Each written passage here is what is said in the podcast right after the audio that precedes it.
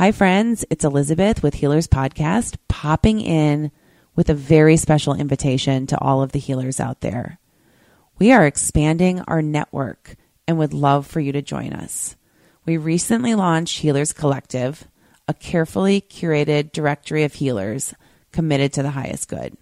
This is our public facing healer directory at healerswanted.com, and it comprises practitioners from all walks of life, service areas, locations, personalities, and of course, healing modalities.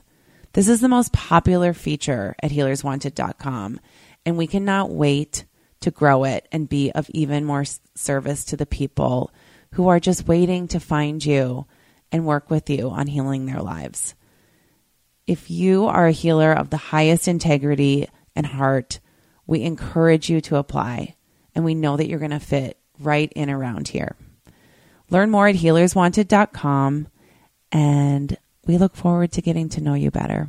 Namaste.